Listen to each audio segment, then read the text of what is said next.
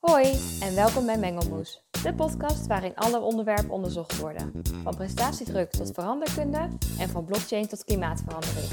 Elke aflevering gaan een aantal studenten van het toptalentprogramma van Saxion in gesprek met een expert om zo alles over het onderwerp te weten te komen. Luister jij ook mee?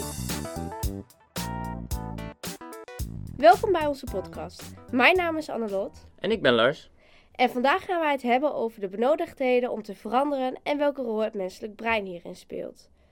Ook zijn wij met de volgende stelling de straat opgegaan. Zonder een gevoel van passie of urgentie zal een verandering nooit plaatsvinden. Dit alles zullen wij bespreken met Kirsten Hofman, lerares mediapsychologie aan Saxion Hogeschool.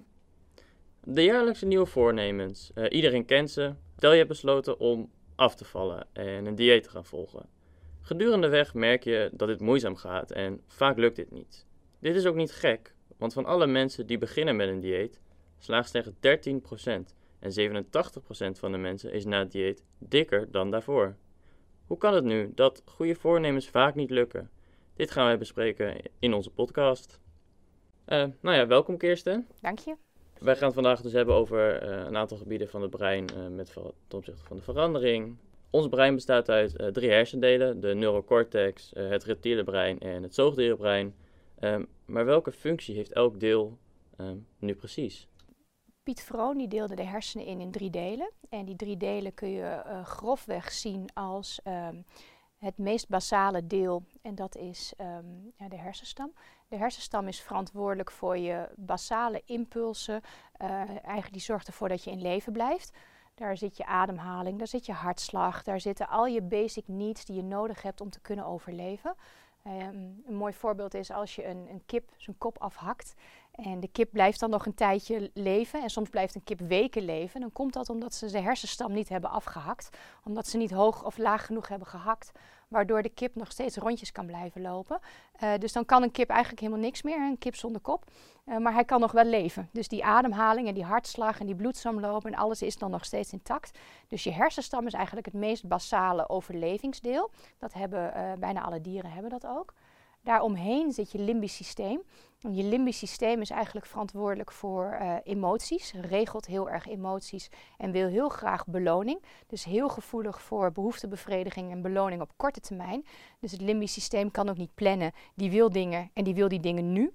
Eh, en daaromheen zit bij eh, hogere zoogdieren, dus in ieder geval mensen en bij, bij sommige aapsoorten ook, ehm, zit je neocortex. En je neocortex is eigenlijk verantwoordelijk voor je planning, voor je langetermijn en ook voor je impulsbeheersing. Dus dat we niet de hele dag toegeven aan de impulsen die we maar hebben. Dus eigenlijk die behoeftebevrediging van het limbisch systeem, die wordt weer een beetje geremd door die neocortex. Dat die neocortex zegt, ik begrijp dat je nu die behoefte hebt, maar het is beter om even te wachten. Of het kan niet in de sociale setting. Dus je neocortex zorgt er eigenlijk voor dat we onze impulsen een beetje beheersen.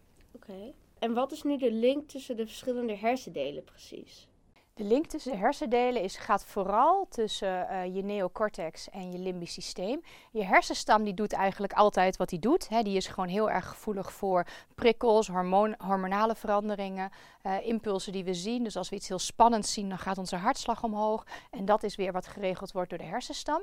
Ehm, je limbisch systeem en je neocortex zijn eigenlijk de twee die het meest met elkaar ehm, eh, onderhandelen de hele dag. Want je limbisch systeem die zegt ik wil het en ik wil het nu. Je ziet iets en dat wil je hebben. Bijvoorbeeld denk aan lekker eten of een vette hap dat je denkt die wil ik graag.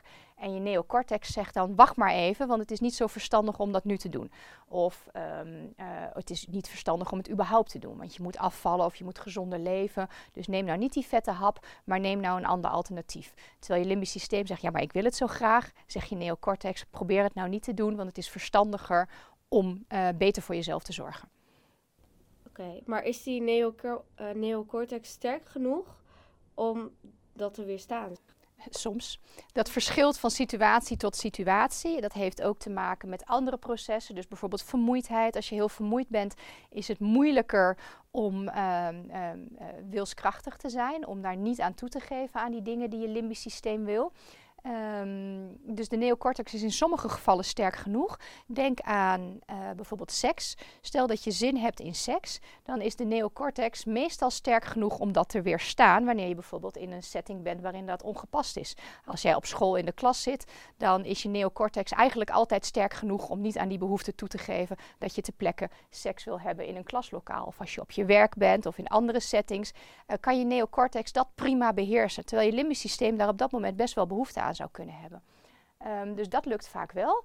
Bij andere dingen waarbij de scheidslijn wat minder duidelijk is, dus bijvoorbeeld het eten van iets ongezonds, is dat vaak wat moeilijker. Want het um, uh, seks hebben in een setting waarbij dat niet toegestaan is, is zo'n sterke not done dat de neocortex niet zo heel veel moeite hoeft te doen om tegen het limbisch systeem te zeggen van ja, dat kan niet. Want dan zijn de consequenties daarvan zijn heel erg groot. Je kan bijvoorbeeld van school gestuurd worden of ontslagen worden als je dat in een openbare setting doet. Je kan er zelfs een strafblad aan overhouden als je in openbare ruimtes doet.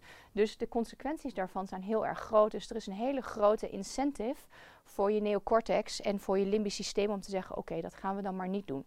Maar als het gaat om bijvoorbeeld een uh, eten, iets wat misschien niet heel gezond is, maar ook weer niet een wereldzonde.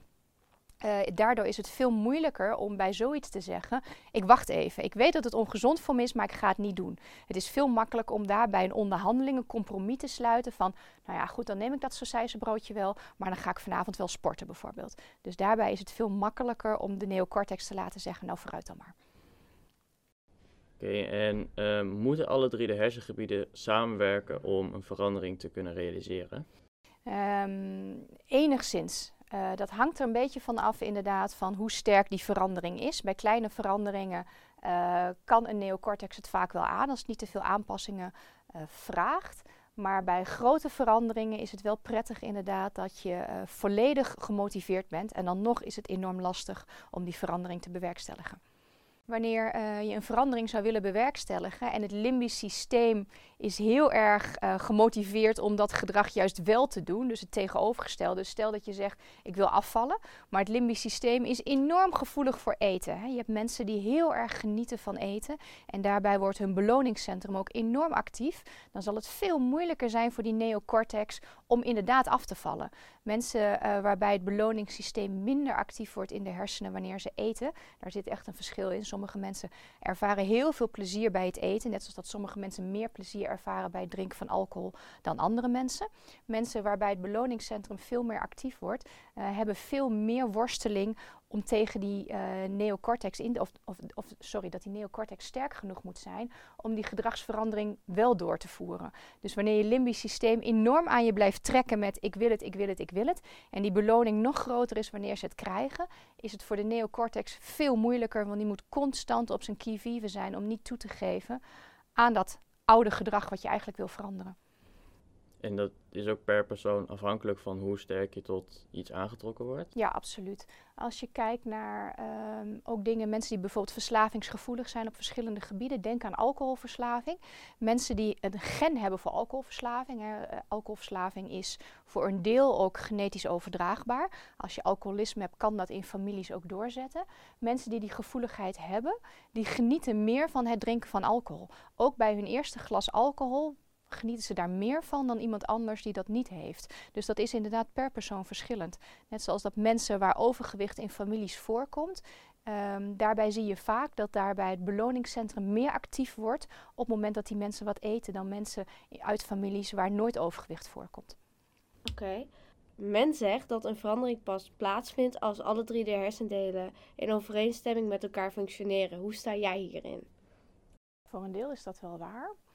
Um, ja, voor een groot deel is dat inderdaad waar. Het hangt er, het hangt er inderdaad van af in uh, hoe belangrijk vindt iemand die verandering en hoe urgent um, is die verandering voor die persoon. En um, daarnaast is het inderdaad hoe sterk is die aantrekkingskracht, hoe sterk is de wilskracht van een persoon. Dus het is wel van belang inderdaad dat de hersengebieden allemaal in overeenstemming zijn. En dan nog zijn ze dat natuurlijk niet altijd wanneer het gaat om verslaving. Bij een verslaving zal een uh, limbisch systeem altijd blijven zeggen, maar ik wil het, ik wil het, ik wil het. En de neocortex zal altijd moeten blijven zeggen, um, het is niet goed voor je, het is niet goed voor je, je moet het niet doen. Eén keer teruggaan blijft weer een terugval wanneer het gaat om bijvoorbeeld een drugsverslaving of een alcoholverslaving. Uh, dus het kan wel zijn dat de hersengebieden nog steeds niet in overeenstemming zijn, maar dan nog kan je wel veranderen. Er zijn natuurlijk mensen die hele zware verslavingen hebben en daar toch vanaf komen. Ook al wil het limbisch systeem nog steeds die druk of dat genotsmiddel graag hebben, datgene waar ze blij van worden, uh, kan het limbisch systeem of het, uh, de neocortex nog steeds sterk genoeg zijn soms om te zeggen je moet het gewoon niet doen. Soms kan het inderdaad zo zijn dat de neocortex weet ik weet dat je het wil, maar als we nu teruggaan dan is het einde zoek en dan gaan we weer terug in het oude gedrag. Nu hebben we een korte introductie gehad van de drie hersendelen. We zullen jullie nu nog een samenvatting geven om het nog even te verduidelijken. En dan beginnen we bij het oudste deel van onze hersenen, ook wel het reptiele brein genoemd, omdat reptielen een vergelijkbaar hersendeel hebben. Hierbij worden onze primaire behoeften geregeld zoals temperatuur, hartslag en ademhaling. Ook worden de drijfveren, overleving en lust geregeld door het reptiele brein.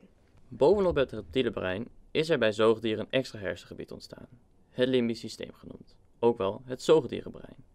Dit systeem regelt emotie, sociaal gedrag en vormen van lichaamscommunicatie.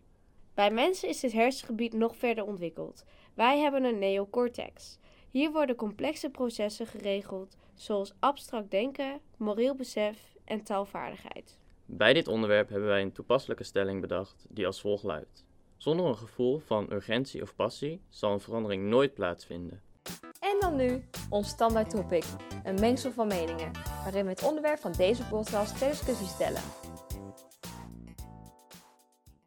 Ik ben het oneens met deze stelling, omdat veranderingen kunnen ook plaatsvinden door uh, factoren die buiten een persoon zelf om liggen. Denk aan uh, weersomstandigheden. En het kantoor bepaalt dat er mensen ontslagen gaan worden. Als de directeur dat bepaalt, heb je daar zelf waarschijnlijk weinig inspraak op. Zo zijn eigenlijk verschillende heel veel verschillende factoren op te noemen waar een persoon, ook al heeft hij dat niet, gevoel of urgentie of passie ergens voor, is het nog steeds wel mogelijk om, om verandering te laten plaatsvinden. Ik ben het deels met deze stelling eens. Ik denk wel dat uh, met een gevoel van passie of urgentie het sneller kan plaatsvinden. Maar er zijn ook andere dingen dat meetelt, zoals wanneer je volwassen wordt, krijg je een andere manier van denken en komt er dus ook veranderingen in je leven. Ga je beter nadenken over andere dingen. Maar ook als je bijvoorbeeld uh, in een andere leefomgeving woont, andere vrienden hebt of familie uh, die je ondersteunt, dat er sneller een verandering kan komen. Dus ik het er deels mee eens, maar er zijn nog andere dingen dat meetelt. Ik ben het eens met de stelling dat zonder een gevoel van urgentie of passie een verandering nooit zal plaatsvinden, omdat voor een bestaande grote verandering of veel toewijding en wilskracht vereist, waar passie voor nodig is, of zo'n grote verandering veel mensen vereist om plaats te vinden. En mensen zullen alleen massaal zich inspannen voor een verandering als, als er veel urgentie is. Zonder een gevoel van urgentie of passie zal een verandering nooit plaatsvinden. Nou, hier ben ik het mee eens. Want ik denk dat je wel urgentie of passie nodig hebt om een verandering door te voeren. Want als je dat niet hebt, ben je dus niet geïnteresseerd in iets. En hoeft dus ook niet veranderd te worden, denk ik. Nou, ik denk inderdaad dat er zonder urgentie of passie geen verandering plaats zal vinden. Omdat mensen dan het gevoel hebben van, oh, het kan later wel. Het maakt me eigenlijk niet zo heel erg veel uit.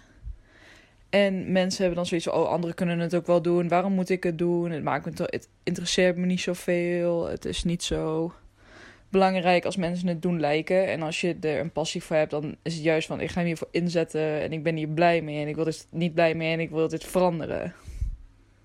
Ik ben het met de stelling eens, omdat tegenwoordig de mensen een gevoel van een abrupte verandering nodig zullen hebben om deze ook daadwerkelijk te kunnen laten plaatsvinden. Na het horen van de meningen van de mensen op straat zijn eigenlijk de meeste mensen het wel eens met deze stelling. Hoe denk jij over deze stelling, Kirsten? Dat hangt er vanaf wat je verstaat onder urgentie en onder passie. Maar in grote lijnen zou je kunnen zeggen dat de stelling voor een groot deel klopt. Kijk, je hebt natuurlijk gedragsverandering zonder dat er sprake is van urgentie of passie, wanneer bijvoorbeeld iets met de hersenen aan de hand is. Dus stel dat iemand een herseninfarct heeft gehad, kun je een gedragsverandering gaan zien bij iemand zonder dat er sprake is geweest van een urgentie of een passie.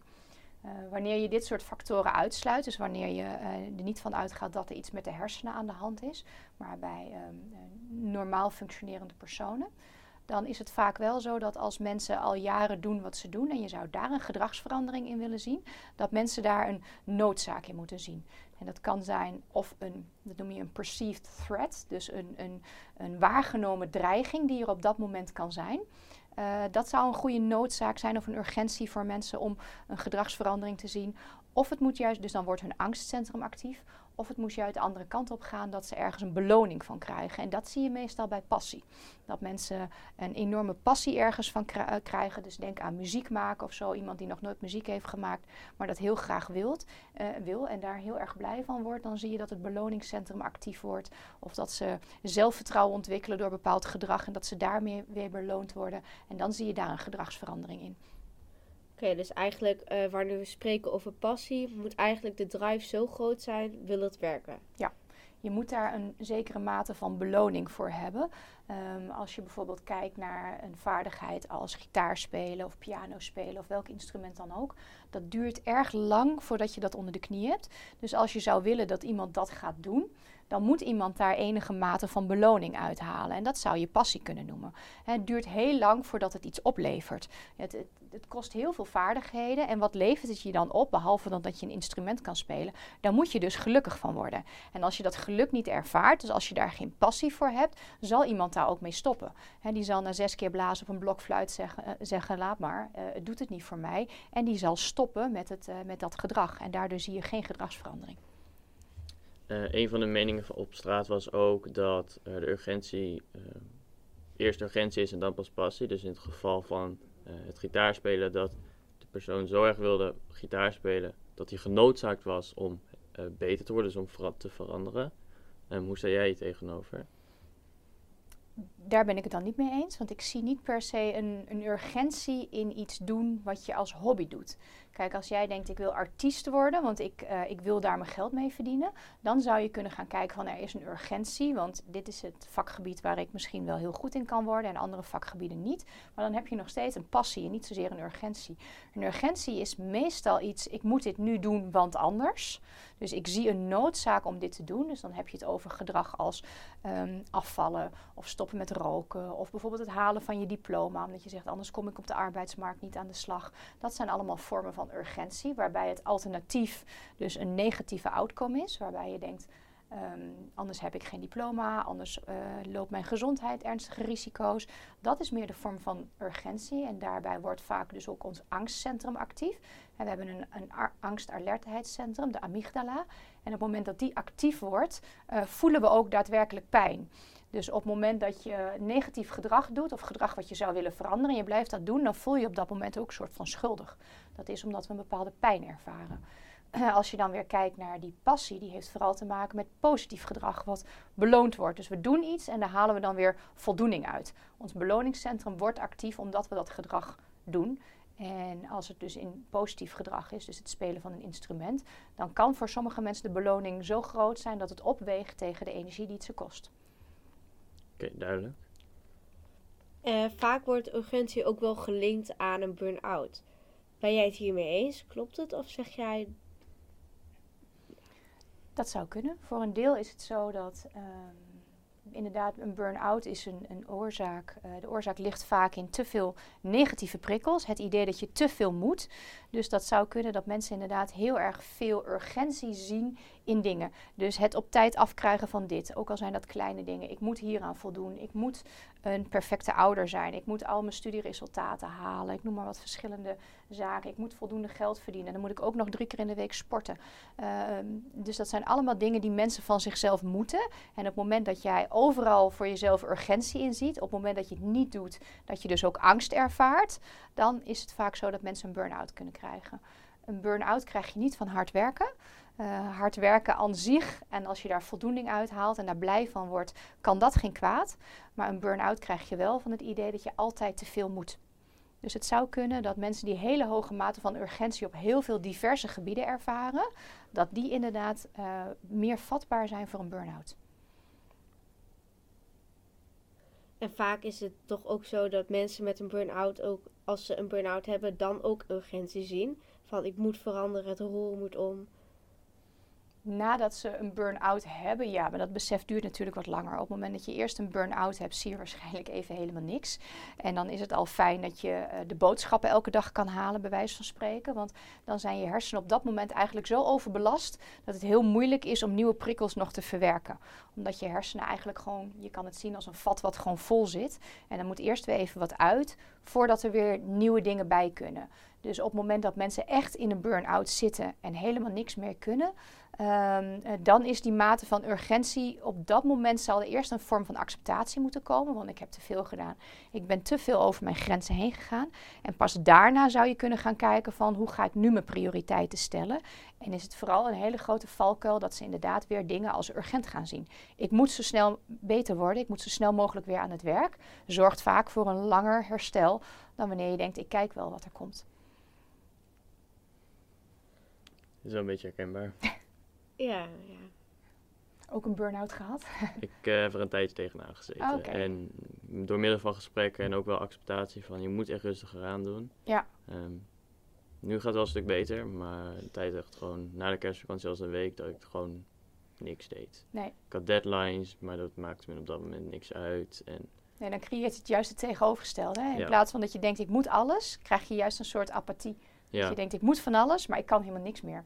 Ja, ik ben blij als ik eten kan maken vandaag. Ik stootte alles af, ik sportte alleen nog, ik deed niks op een hele dag. Maar het is wel heel goed dat je nog sporten. Want sporten is wel een, uh, ja, maar dan, een goede release, zeg maar. Ja, en dat komt dan denk ik door de passie die dan boven mijn urgentie gaat. Ja. Dus sport is voor mij altijd zo'n groot gedeelte van mijn leven geweest. Um, dat ik daar eigenlijk altijd heel veel energie uit haalde. Dus ook nooit het zag als een moet iets. Nee. Dus vandaar dat die urgentie er nooit was om te sporten. Het was altijd uit liefde voor de sport dat ik bleef sporten. Ja, en door sporten zitten nog een heleboel andere nevenfactoren aan. Maak je endorfine aan, uh, voel je je beter. En het is ook een hele goede ontlading om je hersenen weer even te resetten.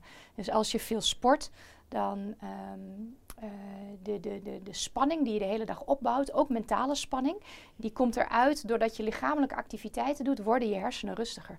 Dus sporten is een van de beste stress-release methoden die er zijn. Kirsten, zou je een voorbeeld kunnen geven van de externe factoren die dan uh, de verandering kunnen realiseren?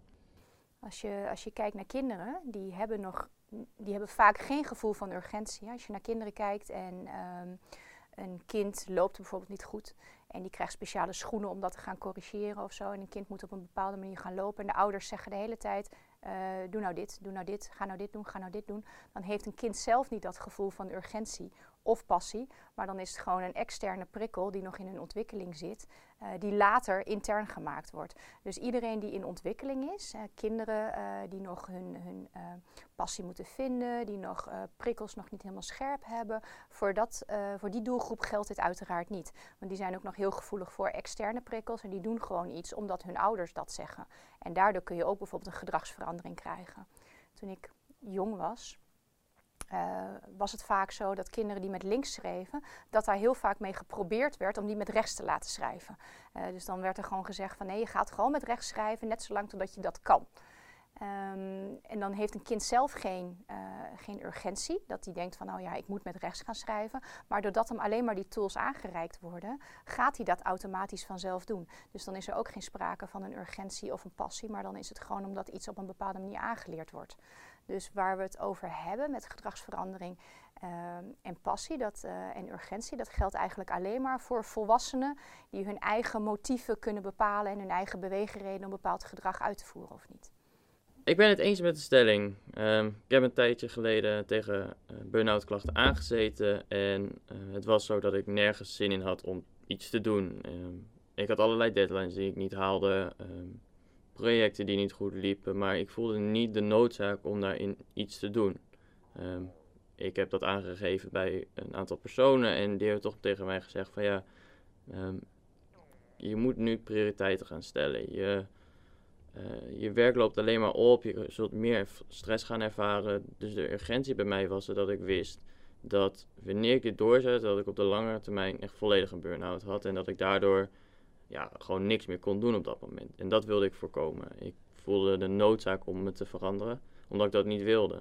Um, ik ben gewoon gaan kijken van, nou ja, wat moet ik nu op dit moment wel doen? Waar moet ik prioriteit stellen? Maar ook waar moet ik hulpvragen stellen? Waar, wie moet ik vragen om uitstel voor een project? Waar moet ik, wie moet ik daarvoor vragen? En dus die urgentie ben ik het helemaal mee eens. Dat heeft bij mij heel goed geholpen. Uh, pas is bij mij denk ik bij mijn handbalclub het sterkste. Uh, ik ben drie jaar geleden veranderd van sport. Uh, meer uit noodzaak dan uit passie. Um, maar binnen een jaar had ik eigenlijk de passie voor de sport helemaal weer opgepakt. En wilde ik me constant blijven verbeteren. Omdat ik gewoon verliefd werd op het spelletje. En daar elke keer beter in wilde worden. Dus voor mij is deze stelling helemaal correct. Nou, ik heb afgelopen september een, een ongeluk gehad met mijn knie. Hierdoor uh, moest ik het heel erg rustig aandoen en was er dus sprake van urgentie. Uh, wanneer ik uh, gewoon mijn normale dagelijkse, dagelijkse taken zou blijven volhouden, zou het betekenen dat ik nog veel sneller weer een ongeluk zou krijgen en dat mijn gewricht zou verslechteren. In december ben ik aan mijn knie geopereerd en moest ik daarna ook zes weken verplicht rust houden. Dit was urgentie, want wanneer ik dit niet deed, dan uh, zou de nieuwe band niet goed aanhechten. En dan zou ik gewoon weer onder het mes moeten. Dus ik heb zeker een mate van urgentie ervaren het afgelopen half jaar. En wat betreft passie vind ik dat dit voor zichzelf spreekt. Um, jullie hebben nu beide een voorbeeld gegeven waarom jullie het eens zijn met de stelling. En dat is een persoonlijk voorbeeld wat je noemt. En bij jullie beiden zie ik dat uh, jullie een mate van urgentie ervaren hebben. Maar daarbij beschrijf je dat het alternatief zo slecht is voor je dat het eigenlijk bijna geen keuze meer is. Het alternatief bij jou zou zijn als jij um, niet die rust zou pakken, zou je nooit meer goed kunnen lopen. Zou je voor altijd klachten aan je, aan je knie blijven houden. Dus dan is het alternatief zo slecht dat er bijna geen keuze meer is. Dus je moet je gedrag wel veranderen. En bij jou geef je aan, hè, als, ik, uh, als ik hier niet door was gekomen, was ik er volledig uitgevallen. Had ik geen diploma kunnen halen, um, uh, had ik nooit verder kunnen met mijn studie en had, was ik zeker heel erg lang weg geweest. Dus dan is het alternatief voor je op dat moment is dat zo slecht dat je gewoon niet verder kan. Zien jullie dat ook bij een, um, een minder ernstig alternatief? Dus wanneer het alternatief dus is van, nou ja, anders had ik één toets niet gehaald. Is er dan ook urgentie? Of anders dan had ik, uh, had ik een week langer moeten revalideren als ik het niet gedaan had. Maar dan was het ook goed gekomen. Nou, uh, voor mij is er dan zeker urgentie, omdat ik gezondheid vind ik dat dat boven alles gaat.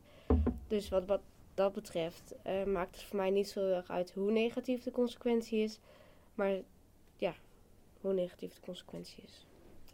Ja, bij mij is het wel echt, echt afhankelijk van hoe ernstig de consequentie is. Ik ben van mening dat een toets niet halen niet zo heel erg is als dit het geval is. Dus bij mij was het wel echt op de langere termijn dat ik wist, als dit doorgaat, dan heeft het op de lange termijn echt ernstige gevolgen. En op de kortere termijn dacht ik, ja, dat is eigenlijk voor nu, maar dat wil eerst de lange termijn goed hebben om dan pas de korte termijn goed te hebben. Ja, dus dan kun je toch zeggen dat jouw neocortex dominant is geweest in die beslissing. Hè? Dat je toch denkt van ik wil het voor de lange termijn toch in orde hebben. En daarom uh, heb je ook niet zoveel conflict gehad met je limbisch systeem. Dat je limbisch systeem zegt het is makkelijker om nu niks te doen. Ik wil nu even niks doen. Maar je neocortex zegt ja maar de alternatieven zijn dit, dus we moeten dat gaan doen. Dan komen we even terug op het voorbeeld wat jij in het begin gaf. Dat, zelfs, uh, dat maar 13% een dieet succesvol vol kan houden. En 87% van de mensen toch weer terugvalt in hun oude gedrag. En zelfs zwaarder wordt dan daarvoor. Dat is omdat het alternatief bij lijnen zijn vaak hele kleine dingen. Uh, als je een dieet volgt, moet je de hele dag door bepaalde keuzes maken. En één keer een verkeerde keuze is zo slecht niet. En je moet eten, dus iedereen moet eten tot zich nemen om te kunnen overleven. Dat is dan weer die hersenstam die zegt er moet gegeten worden. Alleen de keuzes die je daarin maakt, die bepalen uiteindelijk of je zo'n dieet succesvol voort kan zetten. En je neocortex zal de hele dag zeggen: neem nou salade, neem nou lichte maaltijden, neem nou yoghurt, neem nou vers fruit, etc. Terwijl je limbisch systeem ook af en toe zegt van ja, maar één broodje is zo slecht nog niet. Wat natuurlijk waar is, maar als je limbisch systeem dat de hele dag blijft zeggen, is de kans veel groter om bij die kleine keuzes terug te vallen in oud gedrag. Want de consequenties zijn niet heel direct. Het is niet zo dat als jij één broodje neemt, dat je nooit meer af kan vallen. Dus daarom is het voor mensen heel verleidelijk om daar dan toch weer aan toe te geven. Een voorbeeld wat, uh, wat misschien actueel is, wat je op dit moment bijvoorbeeld ziet, is dat je in veel uh, toiletten tegenwoordig uh, waarschuwingen ziet over het, over het wassen van je handen. Of eigenlijk protocollen over hoe je dat zou moeten doen en wat de juiste manier is. En daar staat dan bijvoorbeeld bij dit beschermt tegen griep, coronavirus, et cetera. En ik denk dat als je dit zou gaan onderzoeken, dat significant meer mensen nu hun handen wassen na een toiletbezoek, omdat ze een bepaalde mate van urgentie nu voelen. Mensen die hebben normaal wel zoiets van, ja, ik kan er wel ziek van worden als ik niet mijn handen was, maar dat zit niet in hun top of mind, in hun bewustzijnsproces. Maar doordat je hier actief aan herinnerd wordt, zien mensen op dit moment een duidelijke urgentie van, als ik het niet doe, kan, heb ik meer kans om het coronavirus op te lopen. En daardoor is de kans dat mensen nu hun handen gaan wassen, is significant groter. Echter, als het gaat om permanente gedragsverandering, zodra die urgentie weg is, dus als het coronavirus overgewaaid is of het niet meer zo actueel is, dan zul je ook zien dat mensen weer terugvallen in hun oude gedrag en niet meer na elk toiletbezoek hun handen gaan wassen. Um, nou ja, we hebben net een hele mooie um, discussie um, gehad met Kirsten over, nou ja, klopt stelling wel, klopt stelling niet. Uh, de conclusie van de mensen op straat uh, was voornamelijk dat uh, ze het eens waren met de stelling waarom ze dat vinden. De ene zegt urgentie is belangrijker dan passie, de andere vindt het juist tegenovergestelde. De andere is het helemaal niet mee eens. Um, die vindt dat verandering plaatsvindt wanneer iets gepland is en dat het niet zozeer te maken heeft met passie of urgentie. De conclusie van Kirsten is eigenlijk dat uh, passie en urgentie, uh, dat de stelling gedeeltelijk klopt, um, maar dat er ook nog wel andere factoren bij kunnen kijken die, daar, um, die voor een verandering kunnen zorgen. Ik wil ook nog wat zeggen, want je zegt iets moois inderdaad, dat het gedeeltelijke urgentie en passie is. Ik wil, nog wel, um, ik wil daar nog wel bij aanhaken als het gaat om wat is belangrijker, urgentie of passie.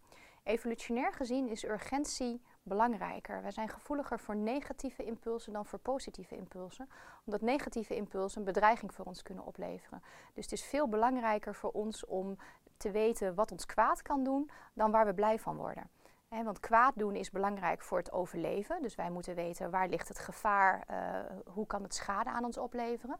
Een voorbeeld daarvan is ook als iemand iets negatiefs tegen je zegt, onthoud je dat veel beter dan wanneer je positieve dingen hebt gehoord.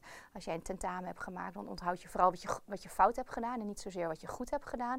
Of als je docent iets negatiefs tegen je zegt, dan weet je vooral die negatieve dingen. Ook al heeft hij daarvoor vijf positieve dingen gezegd. Zo zitten mensen in elkaar. Negatieve prikkels zijn evolutionair belangrijker. Uh, en zijn daardoor ook een grotere incentive om bepaald gedrag te doen. Dus het is negatief is, is belangrijker voor ons om te overleven. Dus het vermijden van die negatieve prikkels is over het algemeen belangrijker. Dus bij gedragsverandering is urgentie waarschijnlijk een grotere motivatie dan passie. Als ik hier even op mag inhaken, uh, ik zie uh, tegenwoordig ook dat heel veel jongeren onzeker worden door Instagram of Snapchat of andere social media platformen. Uh, hoe sta jij hierin? Want dit heeft natuurlijk ook misschien wel te maken met onze stelling. Kijk naar social media, dan uh, zoeken jongeren heel vaak bekrachtiging op social media en bevestiging. Social media is een medium geworden, uh, of altijd al geweest eigenlijk, waar je heel snel jezelf kan vergelijken met een heleboel andere mensen. En jij kan kijken, zo zie ik eruit en zo zien andere mensen eruit. Ik heb zoveel vrienden, iemand anders heeft zoveel vrienden. Je kan heel erg kijken naar wat zijn andere mensen aan het doen en wat ben ik aan het doen. Dus als je daarnaar kijkt, dan is social media zorgt vaak voor een, um, een, negatieve prikkel waarbij mensen zeggen: Ik moet dit ook doen. Of mijn leven is niet zo leuk als het leven van andere mensen. Want jij hebt bijvoorbeeld 500 vrienden. En op het moment dat jij op een vrijdagavond op de bank zit in je pyjama broek en je kijkt wat andere mensen aan het doen zijn, dan zijn al die andere mensen fantastische dingen aan het doen. Zo lijkt het. Maar je ziet natuurlijk maar een hele kleine selectie van vrienden die daar op dat moment iets op post. En die geven op dat moment aan wat voor leuke dingen ze aan het doen zijn. Dus dat kan voor mensen een. Um, een, een, incentive zijn of, om, om ook leuke dingen te gaan doen. Maar de kans is groter dat ze niet wat gaan doen en dat het juist een gevoel van minderwaardigheid creëert. We hebben een introductie gedaan over de drie hersengebieden. We hebben de meningen van straat besproken met Kirsten met de stelling zonder passie of urgentie eh, kan er geen verandering gerealiseerd worden. Wij hebben onze eigen mening gegeven over de stelling. Kirsten, we willen je hartelijk bedanken voor het meedoen aan deze podcast. We hopen dat je het leuk vond. Graag gedaan. Ik vond het hartstikke leuk om mee te doen. Ja. Nou, dit was onze podcast. Leuk dat je hebt geluisterd. Vond je dit een leuke podcast? Luister dan elke twee weken naar een nieuwe aflevering van Mengelmoes. Voor meer informatie over ons toptalentenprogramma kan je ons volgen op Instagram, ap.cl. Tot de volgende keer!